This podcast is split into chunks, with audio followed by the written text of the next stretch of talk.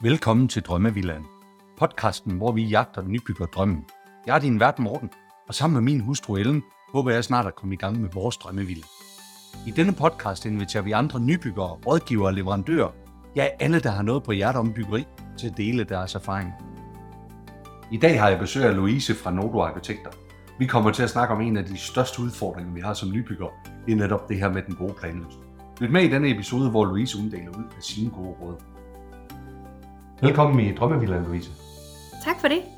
Og inden vi skal tale om den største udfordring for alle nybyggere, jamen så skal vi selvfølgelig lige høre lidt omkring dig og hvem, der er du, hvem du er.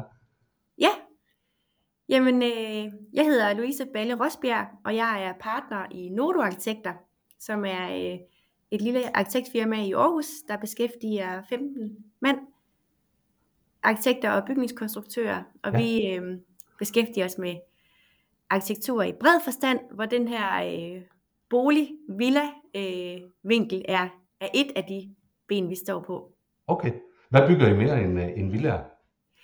Vi laver øh, også øh, erhvervsbyggerier, domiciler, øh, ja. domiciludvidelser, og vi laver offentlige byggerier, sportshaller. Øh, vi har lavet nogle genbrugsstationer, og øh, vi laver ja, rigtig mange boliger, både for øh, private og også øh, udviklingsprojekter, rækkehuse og, og lidt etageboliger. Okay. Så, Hvad er egentlig forskellen på at skulle bygge uh, et, et privat uh, byggeri, og så et, uh, et erhvervsbyggeri, eller foreningsbyggeri, eller offentligt byggeri? Hvad er forskellen der som arkitekt? Hvad er, den, hvad er udfordringen? Hvordan er den anderledes? Jamen, øh, de private, så kommer man ligesom lidt tættere på selve kunden, og for det liv, de lever, og de mennesker, de er. Der er mange flere følelser i det private byggeri, øh, i boligen, end der er i de andre. Der er det måske mere sådan analytisk, og hvor langt rækker pengene, og hvad for et behov har vi her til vores virksomhed, eller vores sportsanlæg, eller, eller hvad det er. Ja. Tør du så give et bud på, hvem er, så, hvem er så bedst til at bygge mest bæredygtigt ud fra dit perspektiv? Er det de private, eller er det dem, øh, der bygger mere af de andre byggerier? Åh, den er svær. Det er, øh, der er nogen, der er meget passioneret omkring at bygge bæredygtige, og som har, som har øh, ja, bæredygtighedsdagsordenen helt tæt på, og som der man tager udgangspunkt. Øh, og så er der andre, hvor det, øh, hvor det kommer snigende mere øh, i nogle lovkrav, og nogle, øh, ja, hvor det mere kommer udefra, det med, at man skal dokumentere og leve op til nogle, øh, til nogle bæredygtighedskrav. Ja. Om det var også bare lige sidespørgsmål. Nu tænker jeg, at du, du, du sad med, med overblik over det her. Men det er jo slet ikke det, vi skal tale om i dag, Louise. Det, vi skal tale om i dag, det er jo den største udfordring for alle, der vil bygge et nyt hus. Og det handler jo netop om øh, den gode planløsning. Ja. Så lad os starte ud med det rigtig gode spørgsmål. Det er, hvad er en god planløsning? Jamen en god planløsning, det er jo den, der øh, lige rammer spot on til det behov, der er til de mennesker, der skal nu tager udgangspunkt i boligen. Det er det, vi skal ja, tale om. Ja, det er det, vi skal tale om i dag, ja. Til de mennesker, der skal, der skal bo i det her hus, øh, som passer perfekt til grunden, og hvor man ligesom får, øh, får det hele til at gå op og, og smelte sammen til en højere enhed. Ja. Er det svært at lave en god planløsning? Øh, ja, det er det, fordi der, der er jo nogle, øh, nogle kompromiser, men det er noget, jeg elsker allermest ved, ved det her med at være arkitekt det er lidt ligesom at ligge i en kabale eller et puslespil, eller sådan. På et eller andet tidspunkt, så har man alle de her øh, brikker, og så skal man, får man det hele til at, til at falde i hak, og så kan man mærke, at der var den. Ja. Ja. Jamen, jeg, vi kender det jo fra vores eget byggeri. Jeg, jeg ved ikke, hvor mange versioner vi har lavet efterhånden, men, uh, men vi har lavet en del i hvert fald, så vi synes også, det er svært. Uh, det er svært, nemt, eller det er nemt nok lige at sætte de første par, par, par streger, kan man sige. Men når tingene de så skal begynde at gå op, så, er det, så, så er der faktisk nogle udfordringer i det. Ja, det er svært. Så hvis du skulle prøve at komme med nogle gode råd til, hvordan får man lavet den gode planløsning? Øh, hvordan skal man gribe den løsning? Jamen, øh, man skal jo starte med ligesom at analysere på, hvem er det, øh, man er, hvem skal bo i huset, hvad for nogle øh, behov har man, hvad, skal ligge, hvad for nogle rum skal ligge tæt på hinanden. Altså, jeg vil altid anbefale, at man sådan starter... Øh, med rummene sådan indefra og ud. Man skal ikke starte med at tegne ydervæggene og så sige, nu skal vi fylde dem ud. Man skal ligesom starte med rummene og så placere dem, ja. øh, som man gerne vil have det. Øh, ja. Og, og du sagde det her med, hvem man er. Hvad er, det, hvad er det for nogle ting, som man skal sådan prøve, at, prøve at analysere sig frem til? Nu er der jo selvfølgelig Ellen og jeg og vores lille hund Konrad, men der er også mange, der, der, der har børn, der skal passe ind. Så, så størrelsen på familien er selvfølgelig et parameter. Ja. Men hvad, hvad, er, hvad andet er parameter, når man kigger på det her? Jamen, øh, hvem skal bo i huset, øh, men også hvad skal ligge tæt på hinanden, så vil man gerne have børn og forældre tæt på hinanden, eller skal de være separat? Skal der være plads til øh, hjemmearbejde, som der er så mange, der, øh, der er begyndt på nu her efter coronaen? Ja. Øh, skal der være, er der nogle særlige pladskrævende hobbyer, for eksempel, der, øh, der skal have et dedikeret rum? Øh, eller er der det der med, hvor mange, hvor mange kan man lige at have plads til rundt om spisebordet? Hvor mange, der er tit, vi, ved, vi sidder um, og snakker med kunderne, der så siger, jamen vi er 25 i vores familie, så der skal være plads til, at der kan komme 25 personer til børnefødselsdag. Altså sådan, så det kan jo være en, det er jo ikke den daglige opstilling, at der skal være plads til 25, men det er ligesom en, en tilbagevendende, et tilbagevendende behov, som der skal, der skal tages højde for. Jamen der kan jeg sige, at første juledag, der skal vi have plads til 30, så det er også en del, vi har diskuteret, så det er, det er spot on det her. Ja. Så ved du lige, hvad jeg snakker om der. Ja, det gør jeg. Ja. Det, er, det er ja. også en af de ting, vi har talt om, at kunne bringe familien sammen, kan man sige. Så, øh, så hvad, hvad er så den næste ting, som man, skal, man, man sådan skal gribe fat i, hvis man skal, man skal have den gode planløsning? Jamen, så synes jeg jo også, man skal kigge på, øh, altså når jeg tænker i rum, så tænker jeg jo både husets rum inde, men også ude. Ja. Øh, terrasser, øh, kroge, hvor har, hvordan har man lyst til, at uderummene skal være? Vi har jo lavet en del sådan nogle atriumhuse, hvor man ligesom har helt indkranset et, et uderum, så man har det her helt private uderum. Øhm, der kan være rigtig meget med lige at kigge på, hvad, hvad kan den her grund, vi har på hænderne? Er, den, øh, er der noget terræn, der skal tages højde for, så huset skal ligge i flere niveauer? Øhm, er der udsigt? Er der... Mm. Altså alle de her ting, hvordan kommer man hjem? Ankomsten til ens hus, synes jeg også er enormt vigtigt. Hvad ser man, når man kører svinger ind af sin indkørsel, øh, og hvordan, altså sådan et, et logisk flow i det hele, ja. Ja. vil jeg altid gå efter. Så du starter med måske endda tanken der med, når man kommer kørende hjem, eller når gæsterne kommer, hvordan huset det så, det, det så ser ud? Det er helt sikkert med i, i mine overvejelser, når jeg tegner det. Kan du, kan du sætte flere ord på det? Hvor, hvorfor, hvor, hvorfor er det, det er så vigtigt, og hvad for nogle muligheder har man, øh, man kan spille på her? Jamen, jeg synes, at, øh, altså et, et hus skal være fuld af oplevelser. Og det er jo en oplevelse bare det at svinge ind på sin grund. Hvad ser man der? Svinge ind og indkørslerne hjem til sit eget hus, og så blive glad over den følelse, det giver en, at øh, her bor jeg, og jeg synes, det er mega dejligt hus. Ja. Øhm, der er også noget med det kig, man får, hvis man, øhm, jamen, hvis man har en, en åben carport, for eksempel, hvor man kan kigge ud i haven og få et kig til naturen, eller øh, sammenhængen med det der gårdrum, jeg snakkede om før. Øh, ja, noget, der, øh, der allerede sådan piger lidt og gør en interesseret i, øh, i mere, og, øh, og når man kender huset, så er det, der gør en stolt og glad for at bo der. Ja, ja. Jamen, vi har faktisk, vi, vi har faktisk muligheden for her at, at lave en ret, synes vi selv i hvert fald, unik indgang, hvor vi kan, hvor vi kan adskille lidt. Vi har jo naturen på den ene side, og vi har byen på den anden side. Ja. Øh, så det bliver sådan en, hvad kan man sige, en meget, øh, hvad kan man sige, der, der, der er sådan to sider af det hus, som vi bygger. Og vi har faktisk talt lidt om, jamen, det kunne godt være, at den skillelinje, man skulle lave, eller imellem naturen og byen, det egentlig bare skulle være en lang facade uden vinduer rent faktisk. Ja. For ligesom at lave den her klare adskillelse imellem, hvor, hvornår er man ude, og hvornår er man egentlig hjemme. Ja. Øh, så det er sådan nogle af de overvejelser, som vi har gjort. Har, har, du, har du erfaring med at lave sådan nogle ting som det der? Øh, jeg synes i hvert fald, det er godt at, at gøre sig nogle tanker omkring det. Øh, jeg vil lige for at kunne se, om det lige er det rigtige, så vil jeg lige have lyst til at have, have det på en tegning, og lige sætte en streg i hånd, for lige sådan selv at kunne mærke, om jeg synes, at det, var, om det er det rigtige. Selvfølgelig. Men, øh, men der er helt sikkert det der, det er jo også, som jeg snakker om med, at et hus er fuld af oplevelser det er, jo en, det er jo en kæmpe oplevelse at kunne kigge ud i naturen på den ene side, og kunne kigge ud over byen på den anden side. Ja. Så allerede der synes jeg bare, at I har fat i noget mega fedt. Øhm, fordi det, det, det er den der ja, oplevelsesrigdom, der, kan, der, der skal tænkes ind i jeres hus. Ja, lige præcis. Du sagde en ting, som der udfordrede mig lidt, fordi øh, vi har jo et hus, der ligger her i forvejen. Øh, vi købte jo et ældre hus fra midt 60'erne af, og det har vi jo planer om, at vi skal rykke ned. Øh, og noget af det, vi talte om her, det var jo, at vi ville, øh, jamen det, det skal ligge på samme sted, så, så det vi jo egentlig startede med at gøre, det var faktisk, at vi har i vores øh, tanke, så har vi faktisk sat ydervæggene først. Ja. Men det sagde du, man ikke skulle gøre. Ja, det så, synes jeg ikke, så, man skal så, gøre. så prøv lige at fortælle lidt om, om, hvad muligheder man har, eller hvordan du tænker det. Fordi vi har faktisk rent faktisk sat ydervæggene først, men det, det lyder som om, vi lige skal tilbage til tegnebrættet ud fra, hvad du siger. ja, det, det beklager jeg, hvis... øh, nå.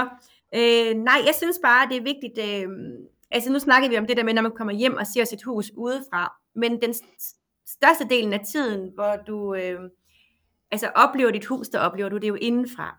Mm. Så hvad for nogle rum skal ligge samlet og tæt på hinanden? Øh, skal det der arbejdsrum, hvor du skal sidde og arbejde, skal det ligge midt i huset, så man samtidig har overblik over, hvad der foregår i huset, eller skal det ligge i et, et hjørne for sig, så du rigtig kan fordybe dig og, og lukke dørene og have øh, lydisoleret til dit lydstudie og de ting. Altså det er jo, det er jo, det er jo sådan ting, der kan være, der kan være individuelt, øh, både ud fra de, øh, det job, du har, men også øh, hvem man er som menneske. Om man ja. gerne vil være øh, midt i, hvor det hele sker, eller om man har brug for at, øh, at trække sig til et mere roligt hjørne. Ja, og jeg tænker jo også, at, at, at øh, nu taler vi om, at man selv kan lave sin plantegning, men, men i bund og grund, vi kommer jo ikke til at tegne, eller vi kommer ikke til at bygge vores hus, uden at vi har nogen til at rådgive os omkring, hvordan det her det skal gøres. Vi vil komme til en arkitekt og så sige, det her det er lidt de tanker, som vi har gjort os omkring det her hus, og det, det er jeg også sikker på, at, at, at du vil stemme i for, for, fordi I vil kunne se nogle ting, som, som vi selvfølgelig ikke kan se, når vi aldrig nogensinde har, by, har bygget et hus før. Men hvad er, det, det, det lyder som om, at, at for jer som arkitekter, der gælder det også om, der, der er der faktisk meget, meget menneske ind over det, og lære familien at kende, og lære behovene at kende, frem for bare at hoppe ind ja, og begynde at tegne øh, huset, kan man sige. Ikke? Helt sikkert, helt sikkert det er jo, jeg synes, der ligger et rigtig vigtigt arbejde for, for os arkitekter i hele den der analysedel, øhm, ja. hvor man skal lære kunden at kende. Jeg skal jo tegne et drømmehus, som rammer lige i hjertet, men det er jo ikke min drøm, for det er jo ikke mig, der skal bo der. Så jeg skal jo finde ud af, hvad kunden drømmer om. Lige præcis. Øhm, så det, og det synes jeg er en sindssygt spændende proces, øhm, og man kommer også tæt på hinanden i den, i den, øh, i den proces. Ja. Øh, hvordan, øh, hvordan, øh, hvor mange kan man sige, hvor mange kommer til jer med en tegning, og hvor mange kommer til jer med nogle drømme, altså som arkitekter, og hvad foretrækker I rent faktisk? Jamen der er, det er nok i hvert fald måske 50 procent, der kommer og har selv prøvet at være i gang med at tegne. Øhm, og nogen har, det er også forskelligt, hvor, hvor tryg man er i at, at gribe en pen og et stykke papir og gå i gang med at tegne.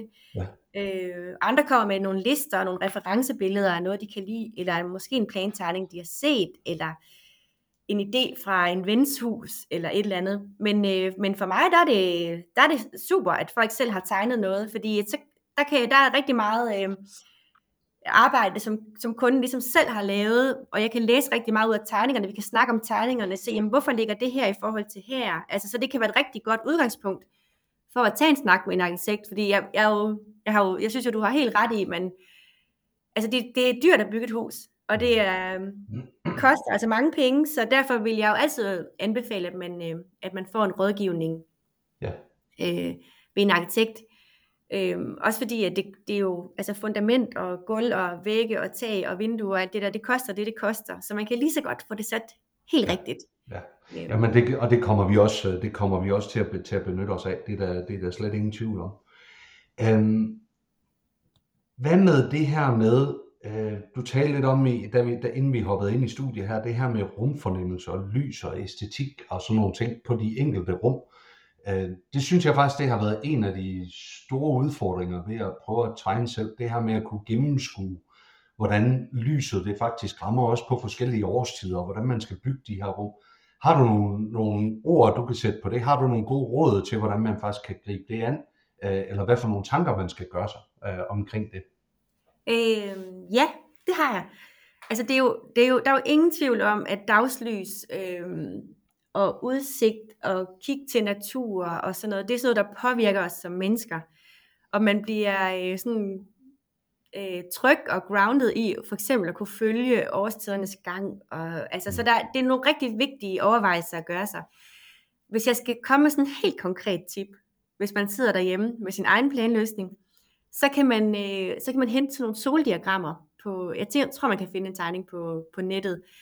Ja. Øh, fordi der er jo, altså, der er jo, det, der er jo kæmpe stor forskel på, hvordan, øh, altså, hvordan solen er om vinteren, og hvordan solen er om sommeren. Altså, hvordan ja. den vil, vil lande i jeres have, ikke? Fordi, ja. øh, man skal, og, man, og tit så tænker man, at vi skal bare have en fed terrasse mod syd. Men om sommeren, så er det jo faktisk måske mere sydvest, hvor det egentlig er aftensolen, man, man gerne vil fange, fordi øh, midt på dagen, der er man alligevel på arbejde, eller har travlt med alt ja. muligt andet. Så det er egentlig der eftermiddag aften, man mest har, øh, har glædet af sin have om sommeren. Ja. Men, men, men øh, i vest, der kommer solen nærmest, altså nordvest, det er faktisk nordvest, hvor man har solnedgangen på de længste dage øh, om sommeren, men der når solen altså aldrig om om vinteren. Så det du heller ikke at have sådan et hus, hvor man ikke ser solen øh, i halvdelen af året. Nej. Så, øh, Jamen, det lyder som et godt råd. Jeg tænker, at vi faktisk i show notes til podcasten her, der prøver vi at finde sådan et soldiagram, og så lægger Jamen, det, det op.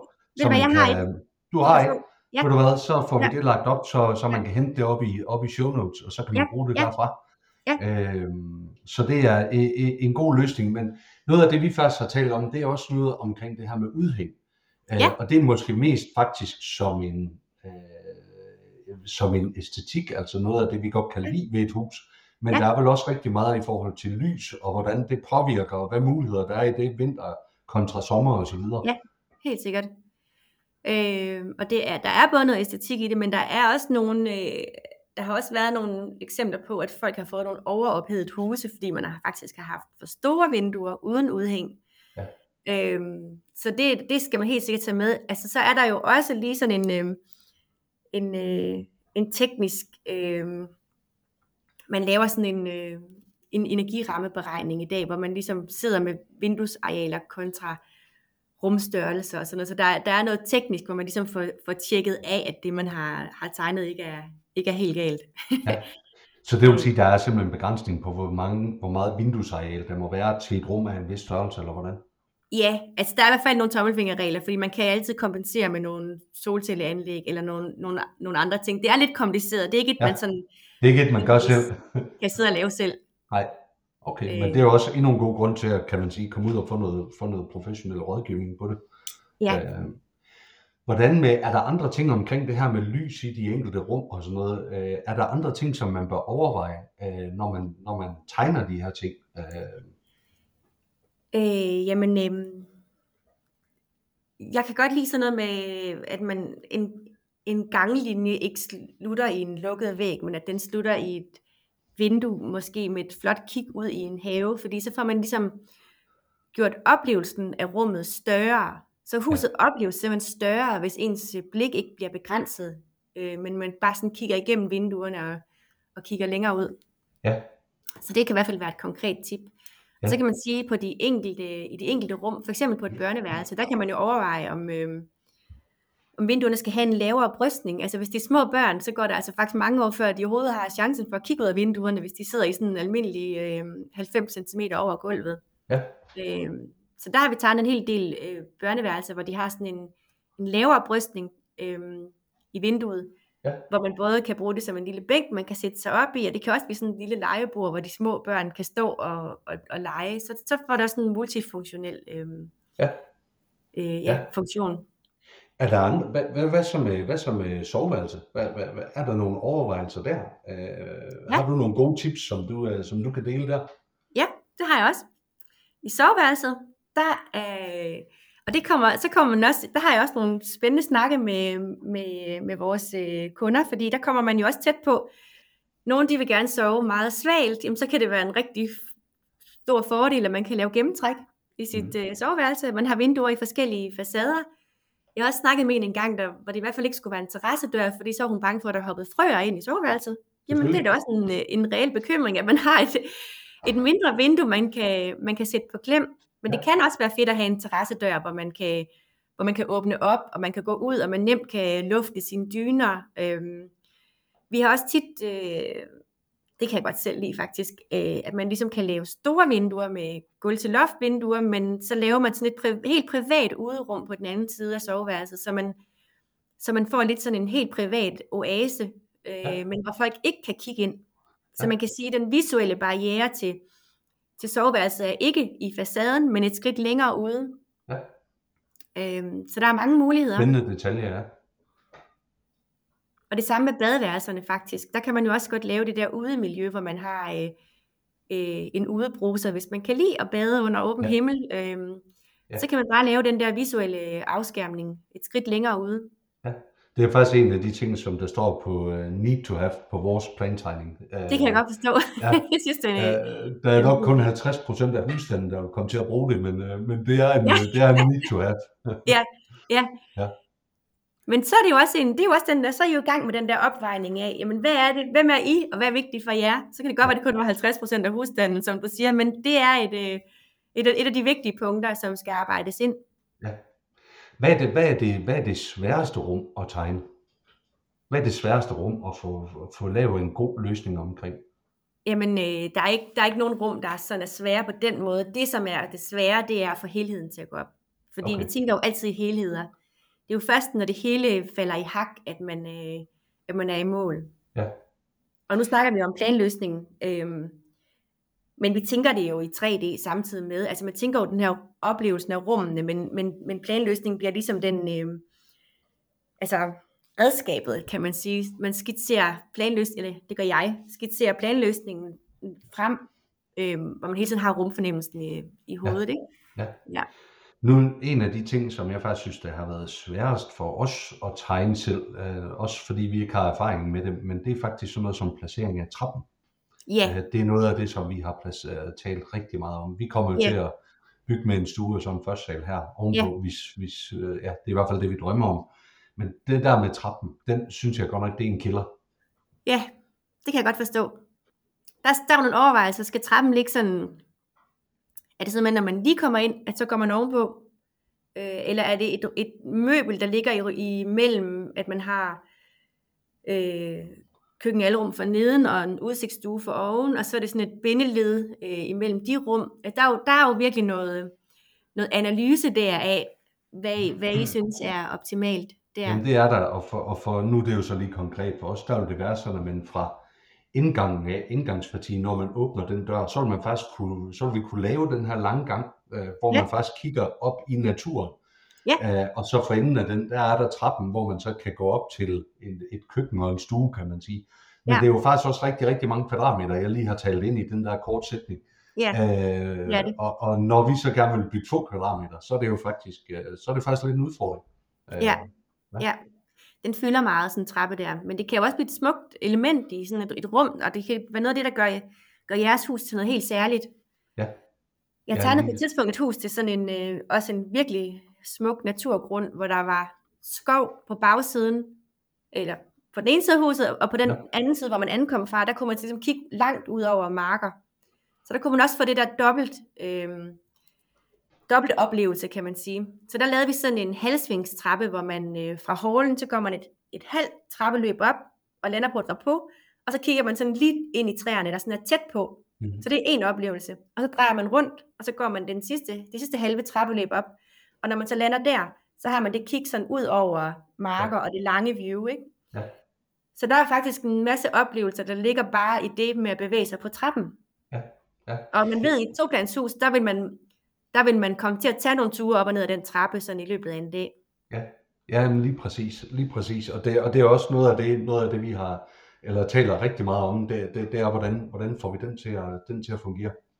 En anden ting, vi taler om, det er jo faktisk, nu nævnte jeg lige lidt før, det her med at ikke bygge for stort. Øh, nu har vi jo ikke behov for, for, for børneværelser som sådan, men, men er også bange for at, hvad kan man sige, ikke bygge hus, som vi faktisk kan sælge igen. Øh, kan man forestille sig det her med, at man først øh, bygger i flere øh, etapper, så man siger, at nu tænker vi huset, så det egentlig passer til os, og så laver vi allerede nu nogle tanker omkring, hvordan øh, man kunne sætte to værelser ekstra på, hvis man havde behov for det. Eller hvad vil din, øh, hvad vil din anbefaling være der? Det synes jeg kan være, kan være en rigtig fin tanke at tænke ind fra starten af, fordi i hele den her bæredygtighedstanker, den tid vi lever i, så, så virker det også øh, som lidt øh, fros at skulle bygge noget, man faktisk ikke har brug for. Ja.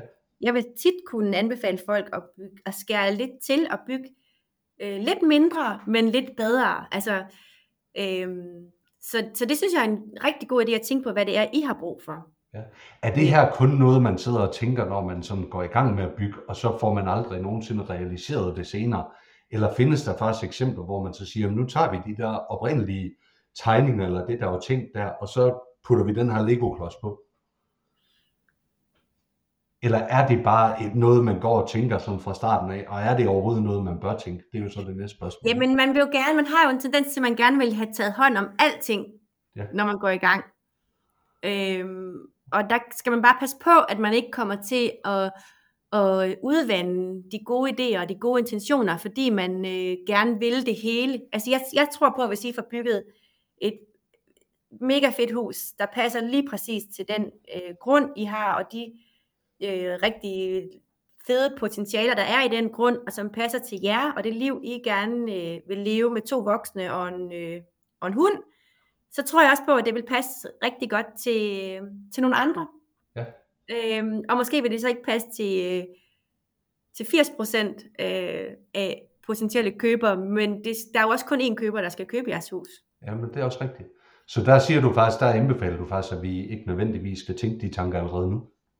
Altså man kan jo godt tænke det der med, at man har en stue, som er stor, hvor man kan sætte en væg op, og så kan man få lavet børneværelse mere. Sådan inden for, inden for de små ting kan man godt, men jeg synes bare, man skal være bange for, at man vil ramme alt, og så ender man med ikke at ramme nogen. Altså, mm. og man skal, I skal, der er også nogle af de der, de der huse, som er fede og skræddersyede til grunden, de vil altid være fede. Altså, ja. så, så kan det være dem, nu, nu hvor vi savler lidt over de der fede øh, 60'er og 70'er villager, som bare er helt unikke, det er det jo, fordi at der er taget nogle modige valg, dengang de blev bygget. Mm.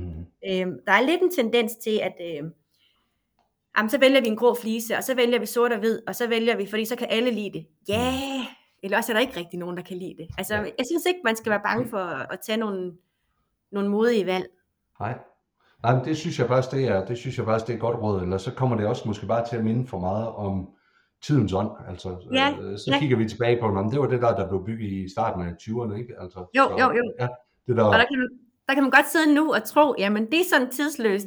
Men så Ja. ja. tror jeg bare, vi kigger tilbage og tænker, nej, det var det ikke. Men det var også noget af det, vi faktisk har talt om, det er, hvordan, hvordan kan vi bygge noget, der faktisk er klassisk, øh, også om 50 år. Det er Ja. faktisk nogle af de samtaler, vi har haft. Nu har vi kigget meget også på klassikeren fra 50-60'erne af. Ja. Men, men, men vi er jo ikke sikre på, at folk de vil kigge tilbage og sige, det her det er altså bare en, en klassiker også om 50 år. nej, nej. Jeg tror, det bedste, I kan gøre, det er at, øhm, at tage nogle, nogle, nogle gode valg, der rammer jer her og nu. Ja, Øh, og så øh, kryds fingre for, at det holder i ja fremtiden. lige præcis. Ja, Lige præcis. ja.